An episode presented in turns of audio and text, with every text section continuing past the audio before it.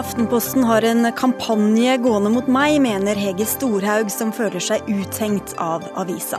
Vi driver bare vanlig journalistikk, svarer Aftenposten. Iran står foran et skjebnevalg. Døra mot Vesten står på gløtt. Nå kan den åpnes ytterligere, eller stenges helt. Er norske sportsjournalister for nært knyttet til idretten til å ha et kritisk blikk på Fifa? Det antyder tidligere idrettstopp, som møter sportsredaktør. Og AUF gir alle ungdomspolitikere et dårlig rykte, mener Sosialistisk Ungdom, som beskylder Norges største politiske ungdomsorganisasjon for å ha luremedlemmer.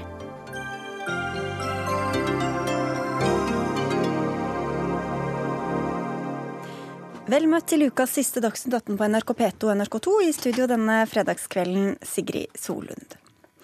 Et langt intervju med samfunnsdebattanten Hege Storhaug i Aftenposten har fått mye oppmerksomhet. I oppslaget advarte hun mot politisk islam, og for å bøte på det hun mener er trusselen herfra, foreslår hun bl.a. å fjerne voldelige vers i den norske oversettelsen av Koranen, stenge visse moskeer og avvise krav som bønnerom på skoler og arbeidsplasser. Hege Storhaug, du er informasjonsleder i Human Rights Service, og både oppfølginga av dette intervjuet og presentasjonen av det har fått deg til å skrive at Aftenposten driver en kampanje mot deg, og at alt det du sier fordummes. Hva er det ved avisas dekning som får deg til å si det? Altså, eh, altså Bakteppet eh, er jo da at eh, jeg har skrevet en ganske omfattende bok om islam.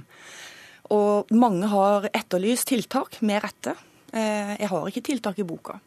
Og da kontakter jeg Aftenposten i, med åpne kort, i god tro, og spør om de er interessert i noen tiltaksforslag fra meg. Eh, jeg sender over de et notat på fem-seks sider, tettskrevne, om hvordan jeg tenker i forhold til både framveksten av det jeg kaller Medina-islam, eh, politisk islam under Mohammeds velmaktsdager. Hvilke konsekvenser dette har inn i vårt samfunn eh, nå i dag, og hva det kan føre til på sikt. For dette er en totalitær ideologi. Det er meget alvorlig. Ehm, så min intensjon er overhodet ikke et spill på noen måte. Eh, jeg prøver å gå etter fakta, komme med noen konstruktive innslag. Og så hadde jeg også da forventa at presentasjonen, og det er såpass alvorlig tema, for det er det jo, eh, ville bli veldig redelig. Det hadde jeg forventa. Og så opplever jeg at den var ikke redelig. Jeg kan bare ta ett punkt som har gjort at det har blitt veldig mange andre medier som har fulgt opp på feil premisser, de også. Eh, og det er at jeg snakker ikke om religionsfrihet. Eh, jeg har ingen problemer eh, med forkynneren Mohammed og den fredelige perioden i Mekka, som er bare spiritualitet. Det er religion. Men maktperioden, når han ble en kriger og politisk og juridisk leder, det er den form for islam som jeg mener vi må være veldig på vakt mot, fordi det er en ny totalitær ideologi i vårt samfunn. Og så blir det da fremstilt som nå vil Storhaug ta muslimenes religionsfrihet, og det vil jeg jo overhodet ikke. Vi kan jo komme litt tilbake til dette med religionsfrihet, mm. men disse forslagene du kom med, og som jeg nevnte noen av, de ble jo mm. presentert i Aftenposten. Du fikk jo mye spalteplass. Hva er det som er kampanjepreget av det de driver med, mener du? Jo, altså det er det. Altså, den ene biten har jeg nevnt, at mm. jeg vil ta fra religionsfrihet såkalt eh, til muslimene. Eh, jeg snakker aldri om en gruppe muslimer heller. Eh, den ene tingen. Den andre tingen er at jeg sier at man må ta kontroll over grensene. altså Norge og Europa må ha kontroll på grensene sine. Hvis ikke så har vi heller ikke kontroll på fremtida. Det er et historisk lærdom. jeg nevner ingenting om noe andre metoder enn som f.eks. jeg gjorde i intervjuet. At jeg sier det at hvis Europa sier at nei, vi vil ikke ta imot flere uten visum, du må ha visum for å komme til Europa, da sender vi deg tilbake til et asylsenter i nærområdene. Så vil dette stoppe. Og det blir da til soldater og militær og gjerder.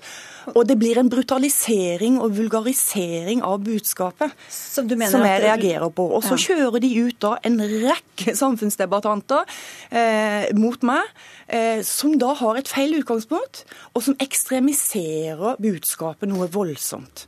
Trine Eilertsen, politisk redaktør i Aftenposten. Dette ble jo fulgt opp eh, og fikk mye oppmerksomhet både hos dere og andre steder. Du har skrevet kommentar om det også på, på lederplass. Driver dere en kampanje mot Hege Storhaug? Nei, altså vi har fått spørsmål om vi driver en kampanje for Hege Storhaug. For det at hun har fått fått mye plass hos oss, og vi har tatt Eh, hennes innspill og hennes forslag eh, på alvor. Eh, vi har gjort det som vi gjør med alle som er premissleverandører i store, viktige nasjonaldebatter. Vi utfordrer deres premisser, vi utfordrer tiltakene deres, og vi ber andre å komme med, med tilsvar. Og så har Hege Storhaug et par innvendinger mot måten vi har gjort det på. Jeg vet hun syns vi har brukt lite plass på det, f.eks. Det er veldig sjelden at vi intervjuer mennesker som får to hele sider hos oss og snakke om, om det de er opptatt av. Det fikk Hege Storhaug. Men vi har også to hele sider med reaksjoner på det hun sier. og Det viser at vi tar eh, både debatten og temaene veldig alvorlig. Men vrenger dere på det hun sier, da, som hun påstår? Jeg kan ta de to eh, poengene hun eh, snakket om her. Altså Ta religionsfrihet. Hun sier hun er ikke ute etter å, å svekke religionsfriheten. Vi brukte ikke ordet religionsfrihet da vi tok kontakt med de som reagerte. Vi sendte de en liste med tiltak som var formulert omtrent som Hege Storhaug har formulert det, uten ordet religionsfrihet. Så å si samtlige av de leste det og reagerte med å si, deriblant eh, Per Sandberg, med å si at eh, jeg ønsker ikke noe angrep på religionsfriheten, den er viktig. Og Vi kan jo ikke la være å bruke det ordet når det kommer fra de som reagerer på det Hege Storhaug sier. Eh, det andre poenget med grensene og kontroll og vil du bruke soldater på grensene, og det skriver hun ikke i notatet sitt, det er helt riktig. Hun foreslår ikke det. Hun blir spurt av journalisten. Du sier at vi må stoppe asylstrømmen med alle midler. Betyr det også å stenge grensene? Ja, gjerne det, sier eh, Hege Storhaug. Mm. Og da, da, er det vanskelig å, tolke det på en annen måte. At hun i hvert fall ikke er imot at du skal bruke eh, da, soldater til å stenge grensene eller politimakt. Men Var det det at du fikk så mye reaksjoner som gjorde deg litt overraska, altså, blant andre fra folk som man kanskje skulle tro at var mer enig med deg? Nei, det er ikke det. Det det handler om, er det at jeg opplever at det blir uredelig framstilt, og at utgangspunktet for andre debattanter da blir helt skeivt. Eh, nettopp dette med religionsfrihet. Jeg vet jo ikke hva din eh, kollega sa i, i, oversendelsen eh, når Nei, man henta inn politisk jeg, Det vet jeg, Hege Storhaug. Ja. Og det var nøkternt de forslagene du hadde foreslått. Hun sendte det til de og ba de om en reaksjon. Ja. Men da er det jo også sånn som jeg satt jo i dette intervjuet i tre timer med tre journalister. To journalister og én videojournalist. Og, og, jeg vet ikke hvor mange ganger jeg måtte stoppe og så si ja, men hør her, jeg snakker ikke om religionsfriheten. Den skal alle kunne ha. Jeg snakker om den politiske, totalitære ideologien. Det kan være at andre definerer religion, dette som du mener at ikke er en religion, fordi det er en mm. politisk islam, sier du i en ja. viss retning. At andre definerer det som en helt vanlig religion. At her ja, er det bare definisjonsuenighet. Der, der, kan det, der kan det være noe.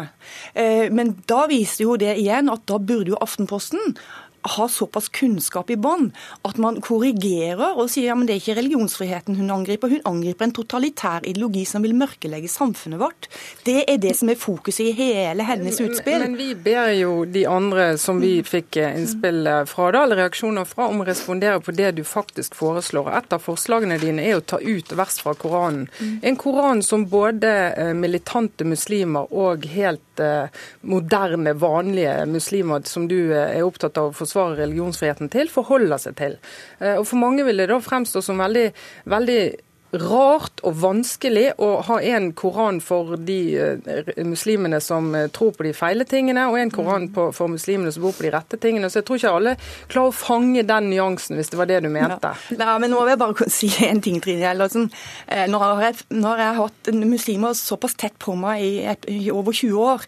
Jeg kan love deg en ting, at frihetsorienterte muslimer de sitter ikke og leser Koranens eh, drapsvers mot mm. jøder og vantro. Det kan jeg love deg. Men, men hvis vi lar det ligge bare litt for Da vi snakket sammen, så virker det som om du mener at dette er liksom politisk styrt fra toppen av Aftenposten? At de ønsker å diskreditere deg gjennom bl.a. dette oppslaget? Jeg opplever at de diskrediterer temaet og alvoren i denne problematikken. Jeg er ikke opptatt av meg som person.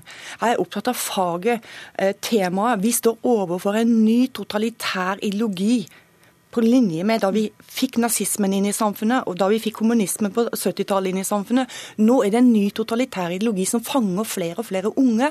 Hva gjør vi?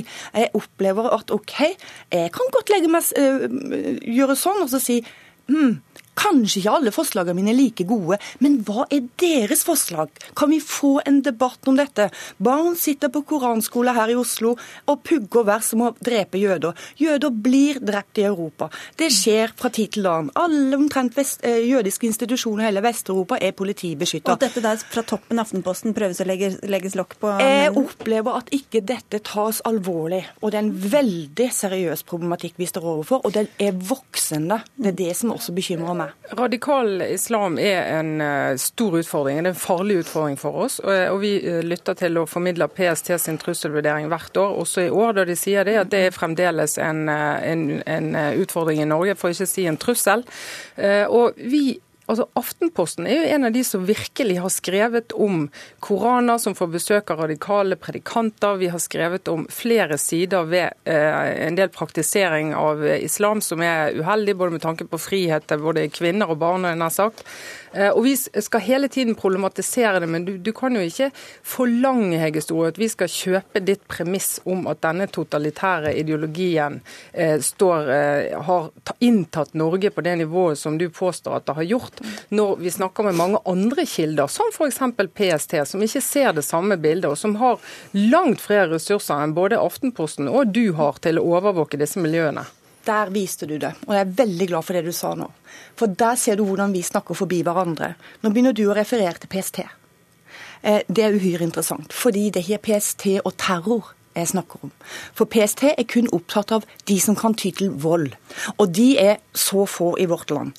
Det jeg er opptatt av, er de totalitære eh, miljøene i moskeer og i brorskapets eh, altså, bevegelser videre. Det er den totalitære ideologien. Den er ikke PST opptatt av. Og så kommer en forskjell inn til på oss to og Aftenposten. Det er nemlig for eksempel, så har dere tatt til orde på lederplass i avisa at salafistene i Islamnett. Altså de som ligger tett på saudisk ideologi, de skal være med inn i varmen i dialogarbeidet for å bekjempe radikal, eh, radikal islam. Og dette her er jo i full motstrid bl.a. til hva David Cameron også har forstått nå, nemlig at disse kreftene er vel så stort problem ideologisk som jihadistene. Men jeg vil bare tilbake helt kort til denne eh, kampanjen du mener de driver. altså for det de gjør, Er det ikke bare å ta deg på alvor da, og gi, gi det så mye oppmerksomhet og hente inn andre reaksjoner på det osv. Hadde vel ikke ventet at du skulle stå helt alene? Nei, men det er noe med når det blir så massivt at man henter inn f.eks.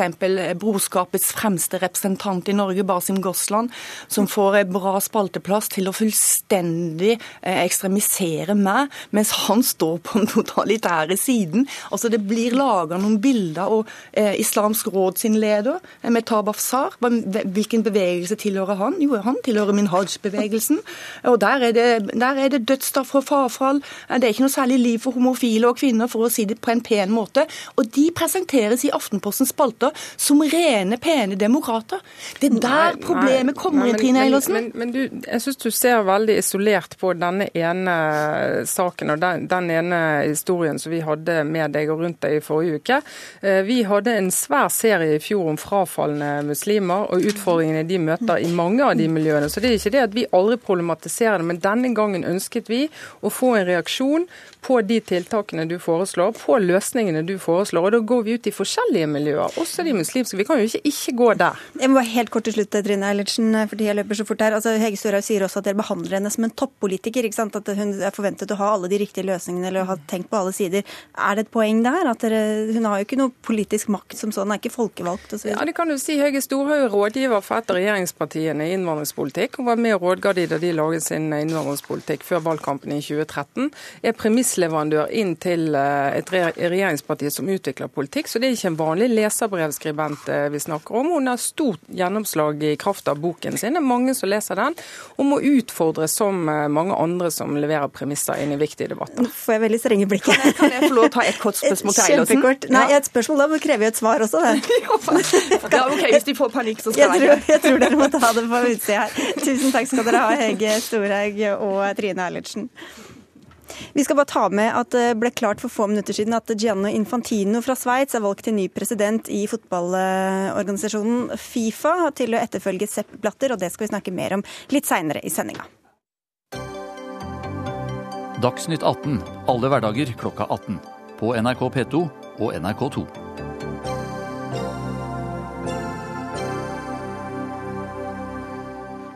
2015 ble året da verden fikk en historisk klimaavtale, og det ble året da veksten i biltrafikken i Norge økte mer enn på åtte år, viser tall fra Statens vegvesen. Effekten av denne økte biltrafikken er større enn gevinsten av de 34 000 elbilene som kom på norske veier i fjor, sier du til Dagsavisen, fagsjef i Naturvernforbundet Holger Slaupitz. Hvor mye påvirker denne økte biltrafikken norske klimagassutslipp? Ja, Vi snakker om eh, at det trekker opp Eh, utslippene med ca. 200 000 tonn. Og det er ikke lite på bare ett år. Nå har vi hatt mye snakk om å kutte utslipp fra veitrafikken i mange år. Og noen ting gjøres. altså Satsinga på elbil er bra, men vi må få et fokus på eh, både trafikkvekst og ny teknologi. Det nytter ikke å bare lene seg tilbake og tro at elbilene skal redde oss. Ja, for det er jo, bare for å si det, det er, I lastebiltrafikken økningen er størst, men den er også til stede for personbilene. Hvis vi begynner med dem, så sier du at regjeringa nå legger til rette for mer biltrafikk. Ja. Hva tenker du på da? Altså, vi har jo eh, både veibygginga, som eh, starta med et stort hva skal jeg si, kraftig øking i veibevilgningene i de rød-grønne åra. Og så har dagens regjering fulgt det opp med rekordbygging av motorveier.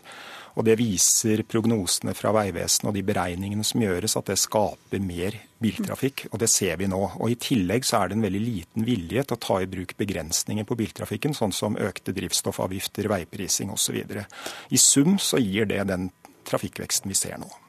Statssekretær i Samferdselsdepartementet Reiner Johannesson, eh, bare for å spørre deg først. Er du bekymra over at eh, trafikkveksten, eh, eller trafikken fortsetter å øke? Jeg er veldig opptatt av at vi skal fortsette å skape mulighet for folk. Folk har forpliktelser i hverdagen. De skal på jobb, de skal til skole, de skal til fritidsaktiviteter. Så dette er ikke noe som tar fra deg nattesøvnen? Nei, altså økt transport betyr jo sånn, naturligvis at det er vekst og aktivitet i økonomien vår. Det er bra. Så at folk har, har, har, en jobb å gå til, at de skal til fritidsaktiviteter, det, det krever at de tar en reise. Så er det sånn at Vi har lovt velgerne at vi skal satse på veibygging og veivedlikehold, og det skal vi fortsette å gjøre. Det er også viktig av trafikksikkerhetsårsaker. Vi har en vekst i trafikken, men likevel så ser vi at på tross av det, så har vi altså et rekordlavt år i 2015 med kun 123 drepte i trafikken. Det er det laveste siden 1947. Så det er, det er, en god eh, årsak til å fortsette å satse på vei, fordi det er viktig for trafikksikkerheten. Men dere har også lovet, eh, eller bundet til Stortingets vedtak om ikke, at all eh, økt trafikkvekst eller mm, persontrafikk inn til storbyene mm. ikke skal skje via, via, biler, men det skal skje via kollektiv eller gange eller sykkel. Og da gjør dere ikke det, det dere skal? Det er jo det som konsekvent blir utelatt fra artikkelen i både Dagsavisen og som Naturvernforbundet ikke trekker frem. Og det er jo veksten i kollektiv kollektiv og jernbanen som er, er eventyrlig. Det er fantastisk god vekst der. Det er, vi ser en 5,8% vekst på jernbanen. Til sammenligning med 1,8% vekst på personbil. Så, så, det er en stor vekst på, på, kollektiv. og Det er derfor også vi har, har økt kraftig de bevilgningene for å få flere tog og flere avganger, slik at folk får flere alternativ. Og, og Naturvernforbundet nevner jo her at det er liten vilje til forbud osv. Det er helt rett. Denne regjeringen kommer ikke til å fokusere på forbud, men å legge til rette sånn at folk får alternativ. Altså, det er jo ikke forbud vi snakker om. Vi snakker om å gjøre det dyrere å forurense. og Det har Transportøkonomisk institutt beregna at det er altfor billig i dag å kjøre spesielt dieselbiler og også store deler av tungtransporten. Og eh, Da slipper vi forbud hvis vi faktisk gjør det dyrere å bruke bil. Og eh, Dette her må naturligvis eh, differensieres avhengig av om det er by og distrikt. Men den veibygginga vi ser i dag, den gjøres i stor grad inn mot de store byene og mellom de store byene. Og i de samme korridorene og strekningene hvor det bygges jernbane. Og Da får vi det resultatet at veibygginga danker ut jernbanen. Så det, det vedtaket altså fra klimaforliket det følges altså ikke opp av regjeringa etter deres syn? Nei, altså det, det, dere, bygger, dere skal bygge en vei inn fra Stjørdal til Trondheim som Vegvesenet har beregna at vil øke trafikken med 8 med 40-80% Vi har E16 e fra Hønefoss inn til Oslo, som vil pumpe flere biler inn i Oslo-området, i de områdene hvor det skal være nullvekst i trafikken. For, altså, vi, vi, snakker om 1,8% vekst i persontrafikken. Mens vi har sittet i regjering, så har også antallet reiser med tog økt med 20 så hvis vi vil leke som prosentlek, så er det sånn at veksten er stor i kollektiv de store byene og med jernbanen. Det er det som er fakta i denne saken her. Men så er det sånn at vi har bygd altfor lite vei i dette landet. Vi har vedlikeholdt altfor lite, også på jernbanen. Og det har vi gitt et stort løft nå. Men da kommer jo utslippene til å øke da fra veitrafikken framover. Ja, altså, Nå virker det som at eh, Naturvernforbundet tenker at vi skal ha dagens biler for evig fremtid. Men vi ser at de 15, 20, neste 15-20 åra så vil vi få miljøvennlige biler. Vi vil få nullutslippsbiler. Og da er det viktig at ikke vi dimensjonerer veibygginga vår for dagens biltrafikk eller mm. dagens utslipp. Fordi dette vil ordne seg med nullutslippsbiler. Men da vet vi også at når vi dimensjonerer større, så vil det også komme flere forurensende biler fram til alle, alle er skiftet ut om 15-20 år. Og så god tid har dere vel strengt tatt ikke? Det skjer veldig mye bra på, også på f.eks. Lastebil, eh, lastebilsiden. Mm. Når du ser de nye Euro 6-bilene som forurenser mye mindre enn de gamle bilene. Så det, her skjer det en utvikling, og det skjer raskt. Og vi har lagt avgiftssystemet slik at det er de miljøvennlige bilene får også et fortrinn. Men transportsektoren står vel for er det 20-30 eller sånt av utslippene i Norge. Og ut fra mm. det du skisserer, så kommer det jo til å øke, og ikke til å gå ned, til, til, tross for hva dere faktisk har sagt at dere skal? Folk, altså det er ikke, Alle bor ikke i de store byene hvor kollektivtilbudet er såpass eh, utbredt. Så, så da legger dere folk, opp til økte folk, utslipp, da? Folk, folk, har behov for transport, og vi kommer mm. til å legge til rette for at folk får legge til rette for at folk får, eh, får gjort de reisene de trenger, men vi skal gi dem gode alternativ. Så mye buss, tog, Eh, som mulig. Men samtidig legge opp til økte utslipp? Og samtidig skal vi bygge ut veier. Men bare svar på legger, det, vær så snill. Vi baserer ikke vår, våre utbygginger på utslippstallene. Vi baserer oss på at vi skal ha mer null- og lavutslippskjøretøy, og vi skal ha eh, mer jernbane.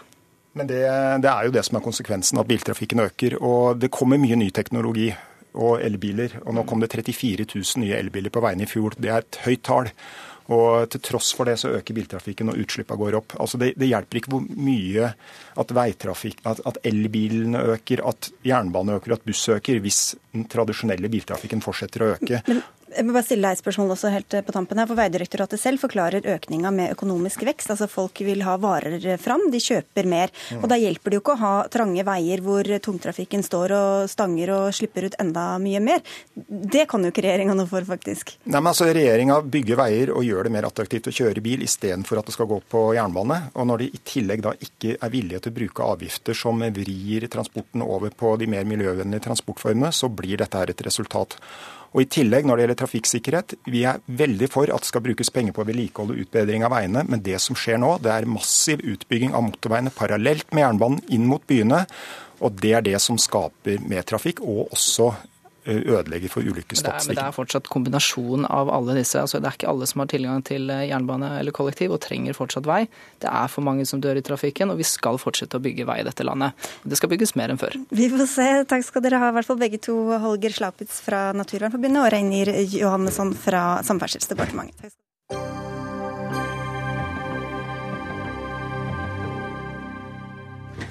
Det er eh, valg i Iran i dag, det første etter at Vestens sanksjoner mot landet ble avsluttet og en atomavtale inngått. Spenninga er først og fremst knyttet til om det er de konservative eller reformvennlige kreftene som vinner fram. Landet er splittet, særlig når det gjelder forholdet til USA og Storbritannia. Bjørn Olav Utvik, du er professor i Midtøsten-studier ved Universitetet i Oslo. For å spørre først, det er langt til Iran. Hvorfor skal vi bry oss om det som skjer der i dag?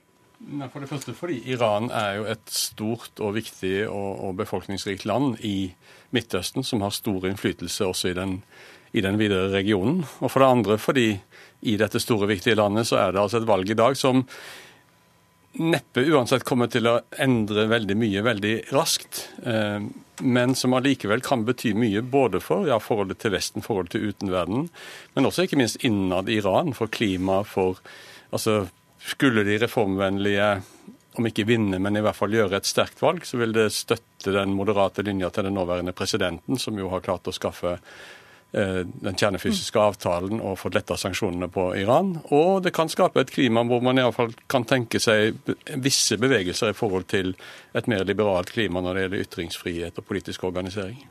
Hvem og hva er det som skal velges i dag? Eller bli valgt i dag? Ja, I dag er det to valg. Det ene er til parlamentet, eh, og det andre er til eh, noe som kalles for ekspertforsamlingen.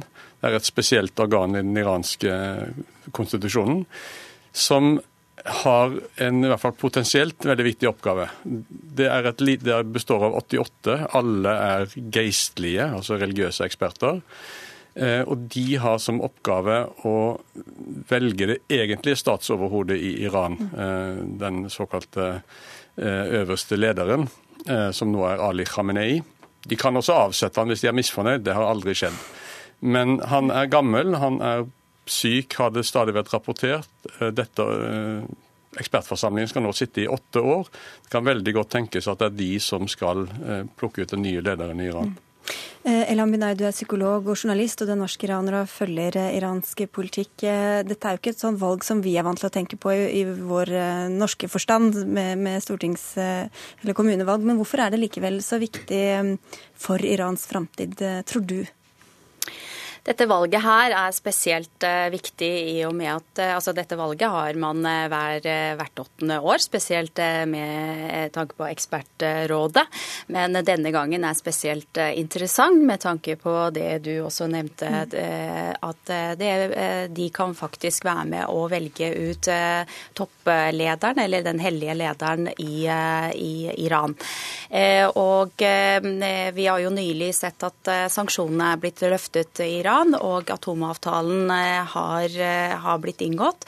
Eh, så reformistene de, er, de snakker mye om håp og å kunne åpne opp de grensene, økonomiske grensene, slik at utenlandske investorer kan komme til Iran og, og samarbeide mm. med, med, Iran.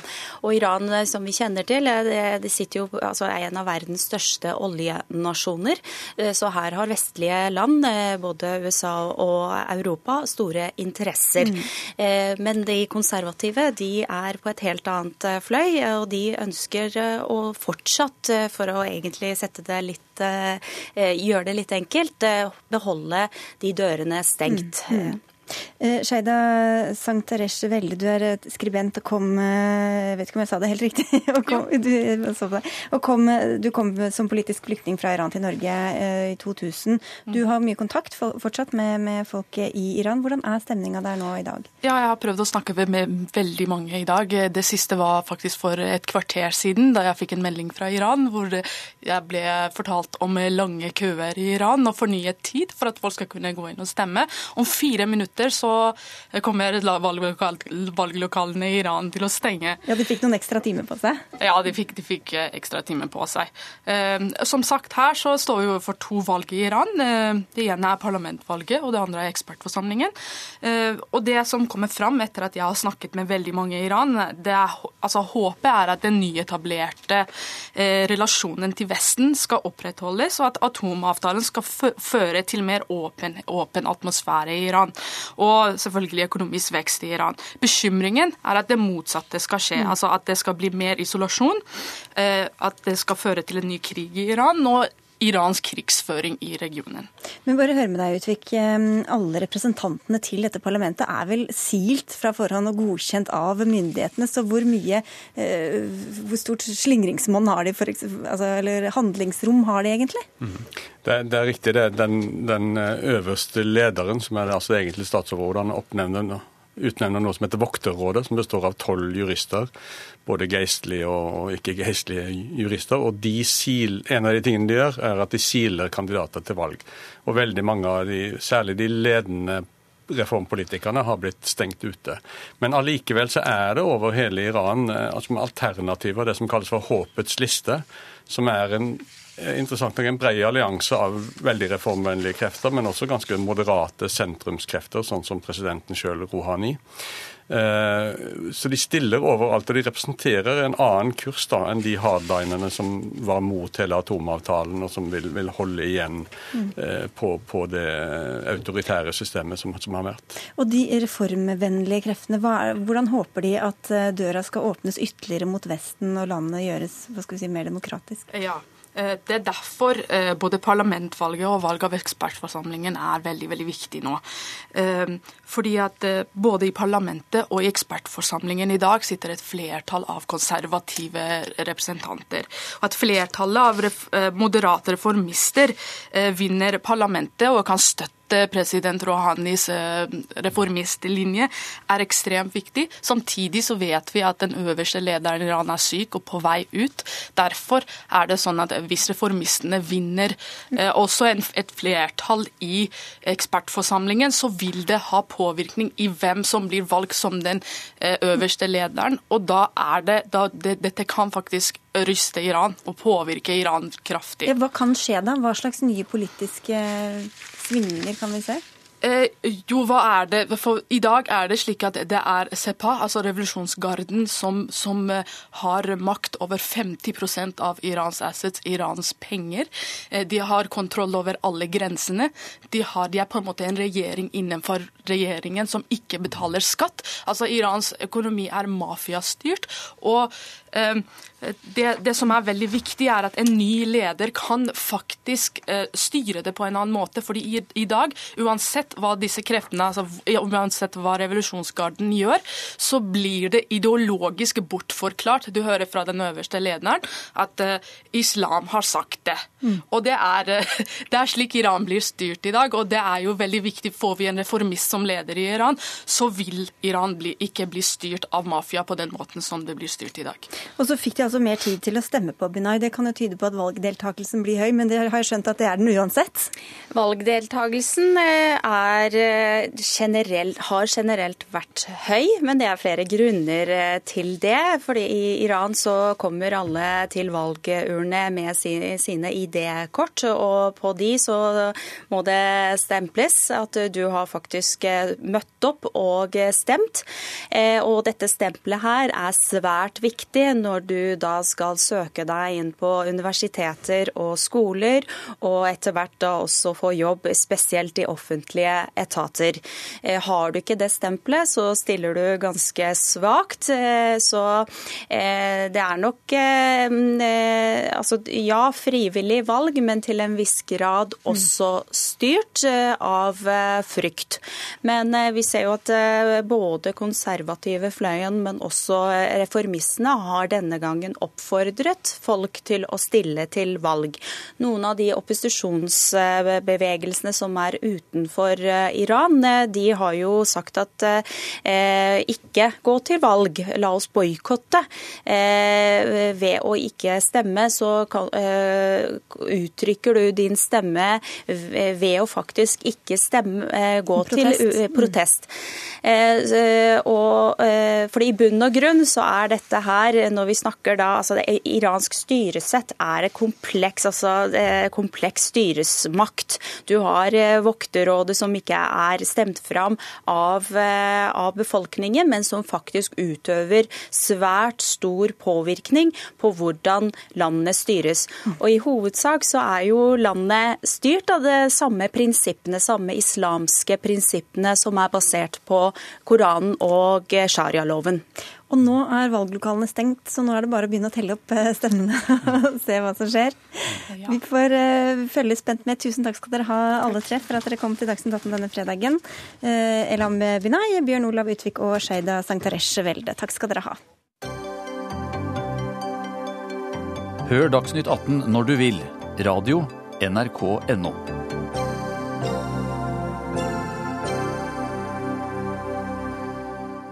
Ja, Vi sneia innom det så vidt i stad. Det er altså klart nå. Sveitseren Gianno Infantino er valgt til ny president for det internasjonale fotballforbundet Fifa. Sportsjournalist i NRK Hanne Marie Breivik du, Breivik, du er i Zürich og har fulgt eh, denne ekstraordinære kongressen. Hvordan er reaksjonene der nede nå? Ja, nå er det vel lettelse som eh, preger det norske fotballforbundet og det europeiske eh, forbundet. For de har jo kjempa for Gianni Infantino i eh, lang tid. Jeg hørte nettopp Inge Hallén si her at, at han var letta over at jobben de har gjort, hadde ført fram. Gianni Infantino er jo et bedre navn enn den argeste motstanderen som var sjeik Salman fra Bahrain. Ehm, så i så måte så går nok Fifa lysere tider i møte. Og så har de også vedtatt omfattende reformer eh, etter mange år med mislykkede forsøk. Hva er det de viktigste endringene som er vedtatt? Ja, hvis vi skal eh, trekke frem noen ting, så er det, jo, det er jo veldig mye snakk om åpenhet og flere kvinner inn i styret og sånne ting. Men jeg tror de viktigste endringene er de strukturelle. At det er nå eh, større skille mellom det administrative og det politiske. At eh, makta til den nyvalgte presidenten blir kraftig redusert. Tidligere så har jo Sepp Blatter holdt en finger, eh, hatt en finger med i spillet overalt. Enten det har vært eh, TV-avtaler eller, eh, eller, valg av nye EXCO-medlemmer. Men, men, det skal det nå bli slutt på. Sånn at Det er en strukturell endring som ligger til grunn her. og Gianni Infantino har jo snakka mye om at han vil ha åpenhet. Han må nå da finne seg i å bli en president som får offentliggjort både lønn og bonussystemer og som eh, må ta hensyn til en rekke andre innspill enn eh, en eh, det som på en måte kan gagne han sjøl personlig. Mm. Det, helt kort, det har vært frykt for juks under stemmeavgivningen. Vet du om det har foregått på redelig vis? Uh, nei, det er veldig vanskelig å si. I starten her så var det jo snakk om at man skulle ha helt gjennomsiktige valgbokser osv. Um, det, er nok, det har vært lite snakk om det mens Eh, jeg har fulgt eh, eh, kongressen i Zürich Altså, sånn at ja, Inge Len sa at han gikk alltid med en litt sånn uggen følelse i magen når det var valg i Fifa. Man vet jo ikke hva som har skjedd i forkant av kongressen, hvem som har blitt enig med hvem. Men det er tydelig her at eh, de, i hvert fall som, de blokkene som ble laga med afrikanske og asiatiske stemmer, som eh, tilsynelatende alle skulle gå i retning Sheikh Salman, de, de har sprukket opp i løpet av eh, denne kongressen eh, til fordel for den europeiske kandidaten. Takk skal du ha, Hanne Marie Brevik. Vi snakket mye om eh, dette valget i Dagsnytt 18 i går. Nå ble det altså Infantino. Reidar Soli, du er sportsleder i Dagsavisen og leder for Norske Sportsjournalisters Forbund. Eh, ganske kort, eh, hva tror du dette kan hjelpe på et regimeskifte i Fifa? Et, endring, kursendring?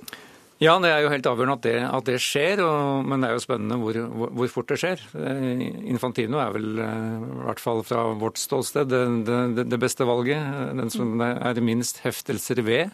Men han har jo vært en del av eh, yppersteklassen i, i, fotballsystemet siden 2000. Han har sittet i Uefa-systemet ved siden av Platini de siste årene, i 16 år. Så han, så han, han vet jo hvordan denne kulturen er, og hvor vanskelig det er å, å forandre den. Så helt blanke ark blir det ikke. Du er en av mange norske sportsjournalister som har fulgt Fifa-valget tett. Men i en kronikk i Aftenposten i dag kan vi lese at denne oppmerksomheten er overdreven og misvisende.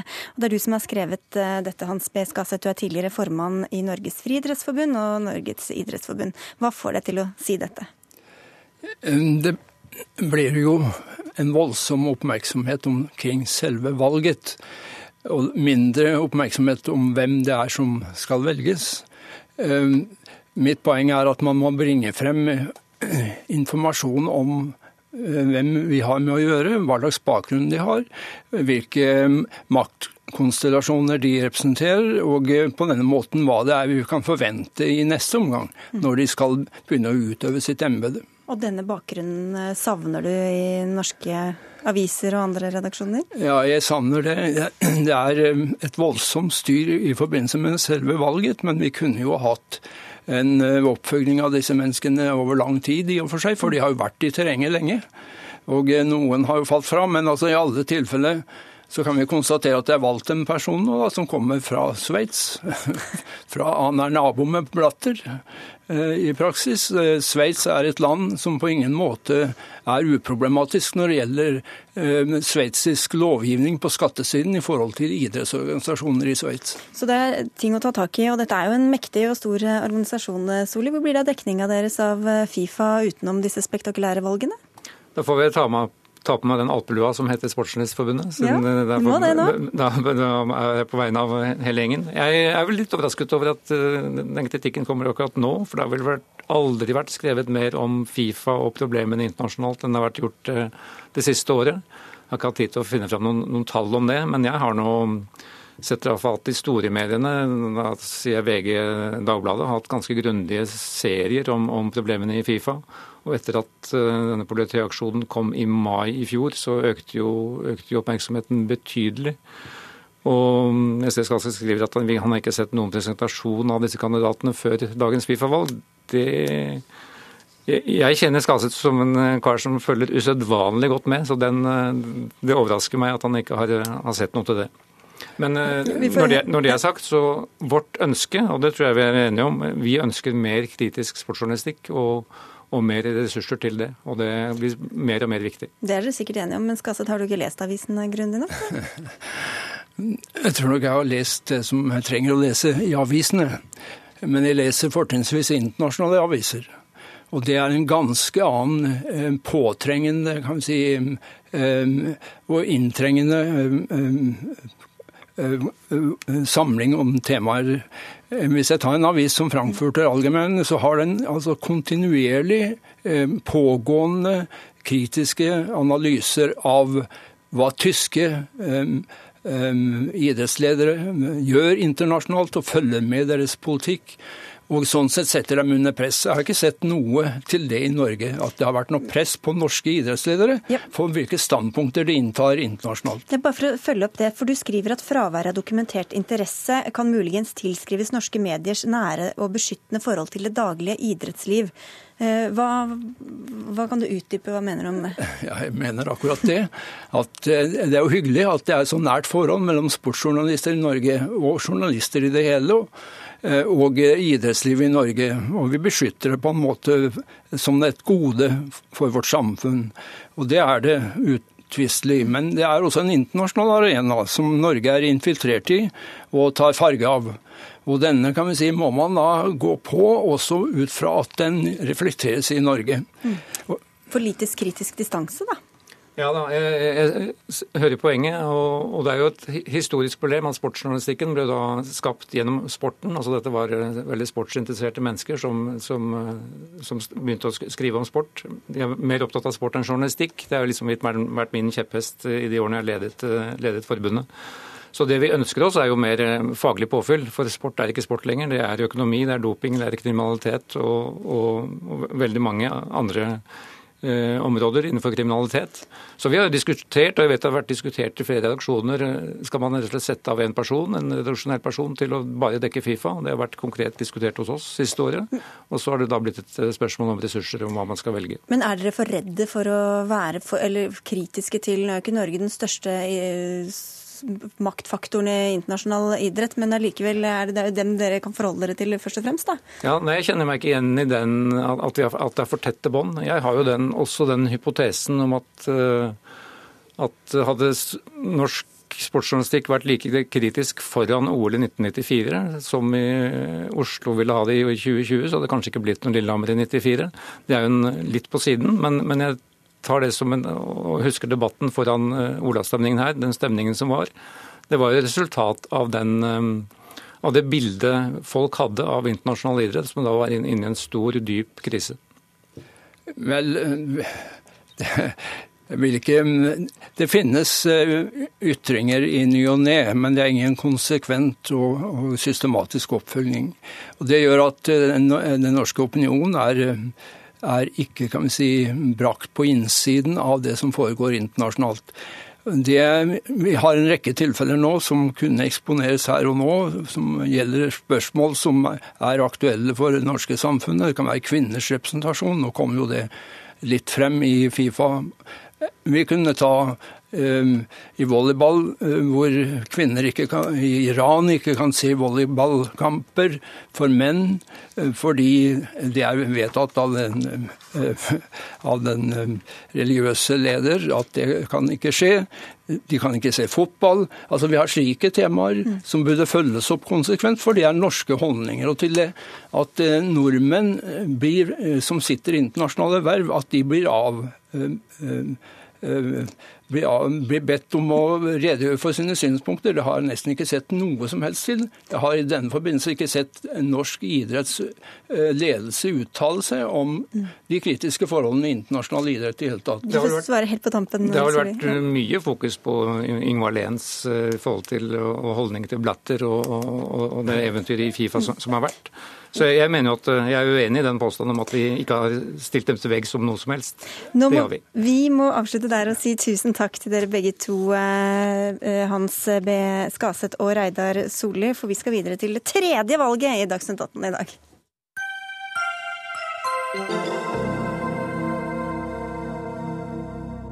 Som er den amerikanske presidentvalgkampen som spisser seg til med stadig hardere ordbruk kandidatene imellom, her representert ved Donald Trump. I mean, first of all, this guy's a joke artist, and this guy's a liar. Ja, These guys var Ted Cruz og Marco Rubio. De tre kamphanene møttes i natt i Texas og beskyldte hverandre for løgner, for ulovlig arbeidskraft, lysskye skattetransaksjoner omtrent samtidig. But I also think that if you're going to claim that you're the only one that lifted this into the campaign, that you acknowledge that, for example, you're the only person on the stage that's ever been fined for hiring people to work on your projects illegally. You hired some po- No, workers no, I'm from the Poland. only one on the stage that's hired people. You haven't hired anybody. Helene Megård, du er nordamerikaviter, kommentator i amerikansk politikk.no. Denne ordbruken vi hørte bare så vidt her i denne debatten, har fått hard merfart i dag. Blir kalt for barnslig og uintelligent og det som verre er. Man kan jo tenke seg hvorfor det hardner til nå, men på hvordan vil du beskrive at retorikken skrus til nå? Altså Nå er det jo kniven på strupen for både Rubio og Cruz. Altså Man ser at eh, det er Trump som har medvind i ryggen.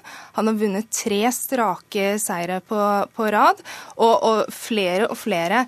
Altså Man venter da på denne bølgen av støtteerklæringer for, for Trubio Nei, for Trubio, beklager.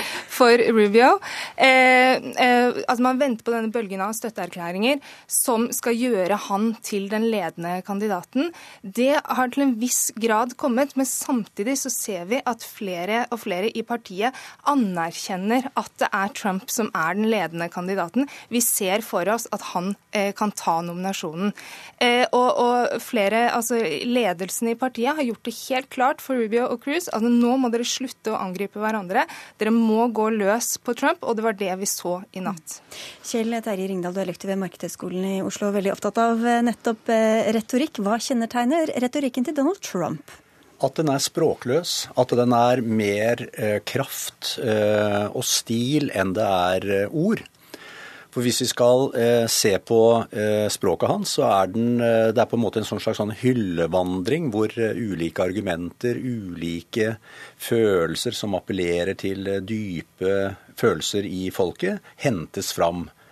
Eh, og jeg har vært så sær at jeg har gått gjennom mange av talene hans og hørt på, på mange av eh, innledningene, og de er eh, fragmenter av påstander. I mean Muslims, I mean uh, terrorists, I mean this is crazy, DC.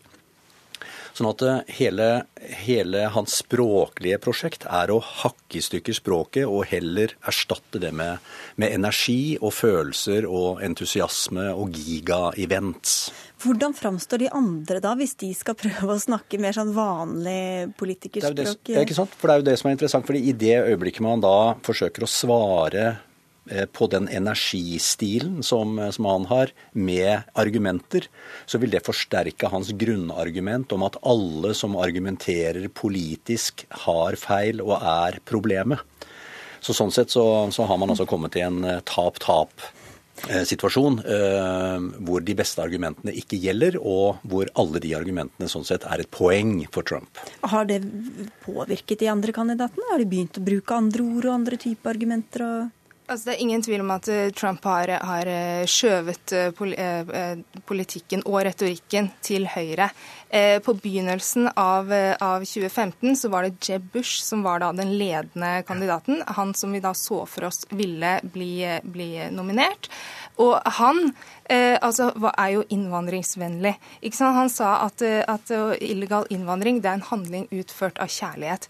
Så kom Trump inn i valgkampen, og nå vil det være ansett som politisk selvmord å si eh, noe tilsvarende.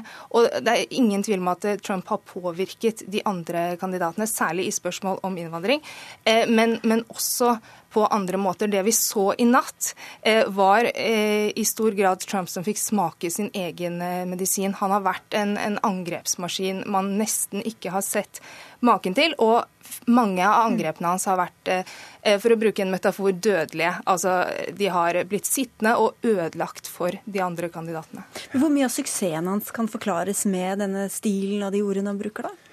Jeg tror alt kan egentlig forklares eh, med det. fordi det vi ser da... Fordi du er retoriker, da, så ja, ja, eh, men altså det vi, det vi, ser er jo en uhyggelig effektiv måte å oppheve språket på. Eh, hvor, hvor det er stilen som, som er poenget. Og hvor han og Sanders på hver sin side tar tak i et frustrert folk. For det må vi kunne si at Amerika burde være litt bekymret for, for hvordan det står til med politikken og demokratiet. Og Sånn sett så er både Sanders og Trump et uttrykk for og en refleks av at vi nå har et folk som er lei av DC, som er lei av politikk, og som sånn sett er på jakt etter et alternativ. Mm. Og i øyeblikket så er det altså Trump som er det største alternativet, nettopp fordi han representerer noe annet. Og disse, Så disse one-linerne, litt sånn kjappe greiene, de går hjem da, hos i hvert fall ganske mange av det amerikanske folket? Absolutt. Og vi ser også at han har han klart å utvide basen sin. Det er kanskje det aller mest skremmende. Det startet med sinte arbeid, altså hvite arbeiderklassevelgere. Mm. Men vi ser i New Hampshire, eh, Nevada, South Carolina han har tatt sentrumsvelgere, han har tatt kvinnelige velgere eh, og, og noen latinos til og med i, i, Nevada. Eh, noe som tilsier at de stemmer ikke nødvendigvis på en ideologi, men at de vil ha Trump som person, altså denne liksom sleivete, aggressive businessmannen som ikke er redd for å angripe eller gå løs på noen. Det har jo kanskje ikke hardna så mye til på demokratisk side ennå, men uh, Ringdal, vi har snakket veldig mye om retorikken og talegavene til Barack Obama, mm. men her ser vi vel gå i en helt annen retning. De er ikke blitt sånn kjempeinspirert av eh, hans uh... Nei, fra poesi til pøbel, kan vi si. Uh, der hvor Barack Obama hadde en politisk idé, en grunnholdning, en karakterfylt politiker, så har vi nå sett en ramp som også ruller inn, og som eh, har et marked for det å være pøbel. Eh, for det vi, det vi, kan se, da, er jo at når han da nekter å snakke om sak, han snakker om person, han nekter å snakke om politikk som sådan. Han tar i bruk begreper, altså en sånn slags sånn, i beste fall skolegårdretorikk, hvor folk er eh, Enten så er de nervous eller loser eller svake eller trøtte eller håpløse. Og ingen etterlyser på en måte argumentene. Det holder å være ramp. Vi får se om det holder til neste uke. Da er det en viktig uke i amerikansk politikk. Vi slipper vel ikke unna det her eh, da heller. Takk skal dere ha begge to, Helene Megård og eh, Kjell Terje Ringdal.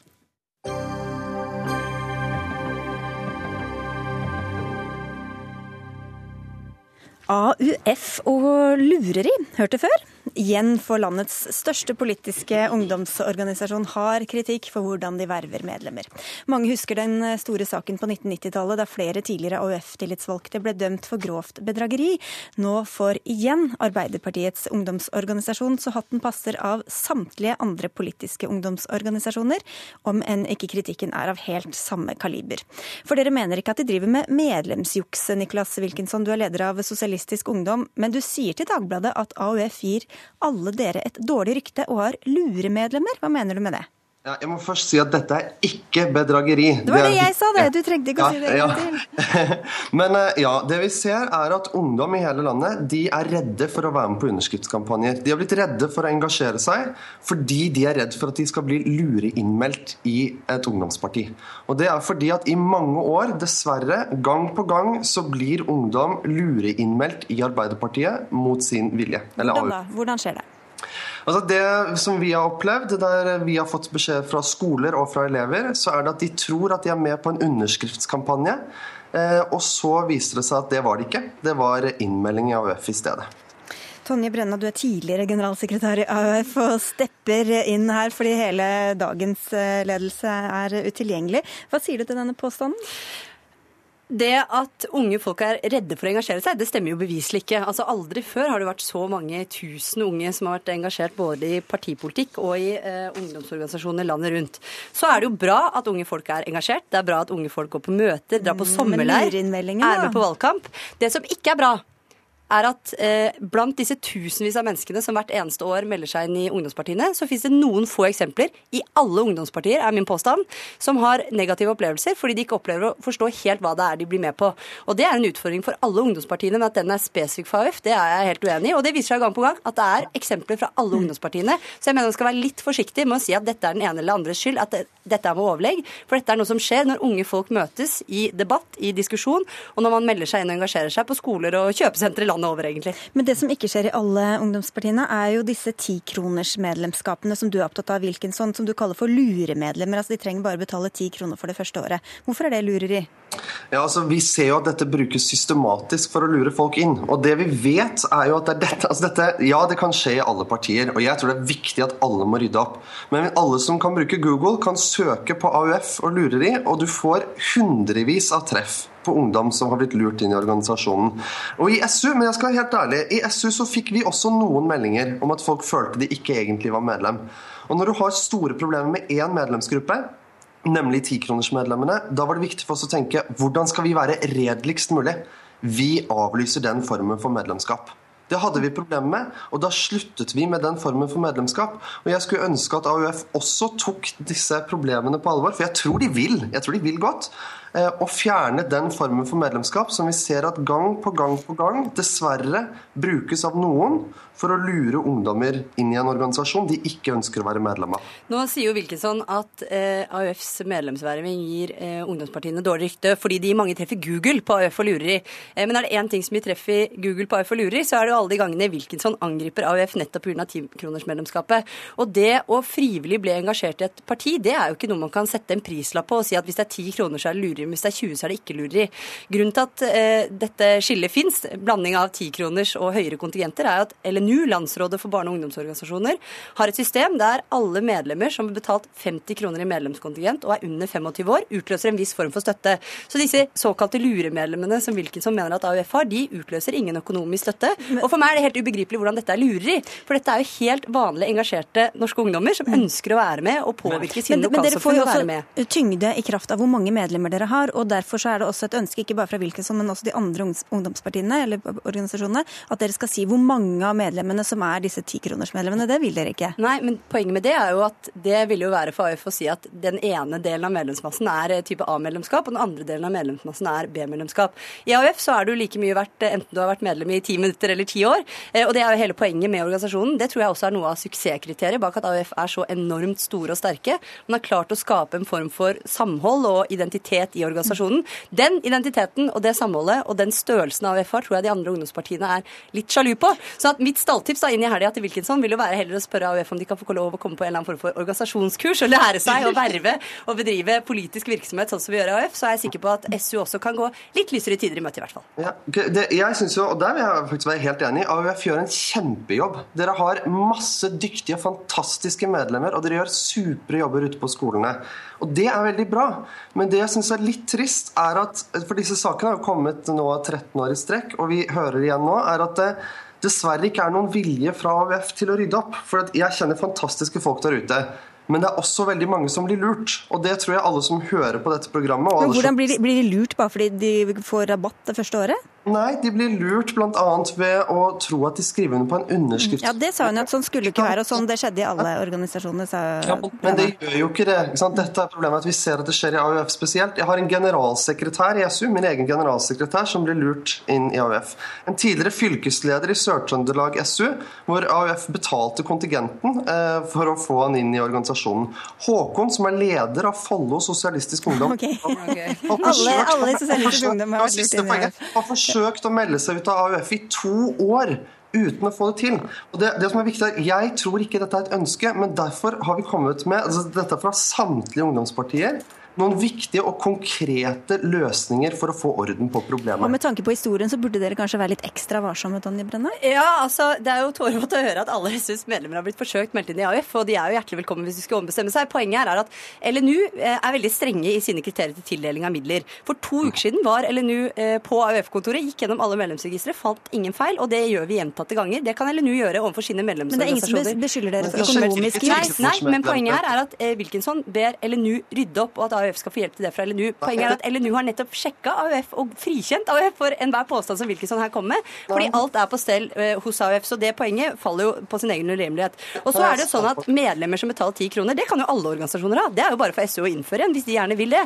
Poenget er at AUF klarer med sin politikk, med sine flotte, engasjerte, flinke mennesker, å fenge unge mennesker over hele landet til å ønske å være med i AUF og forstå demokrati, være med på skolevalgkamp, være med på valgkamp. Og det er jo noe av grunnen til at Arbeiderpartiet gjør det så innmari bra, og det håper jeg også Og vi du er så dreven at du ser at klokka går så fort at du skulle ha det siste ordet, Tonje Brenna. Du får bare bøye deg i støvet for eh, teknikken her, eh, Nicolas Wilkinson. Du er med på Skype. Takk skal dere ha, i hvert fall begge to. Dagsnytt 18 er over og ønsker god helg til alle. Dag Dørum, Lisbeth Sellereite og jeg, Sigrid Solund, eh, sier takk for følget denne fredagskvelden.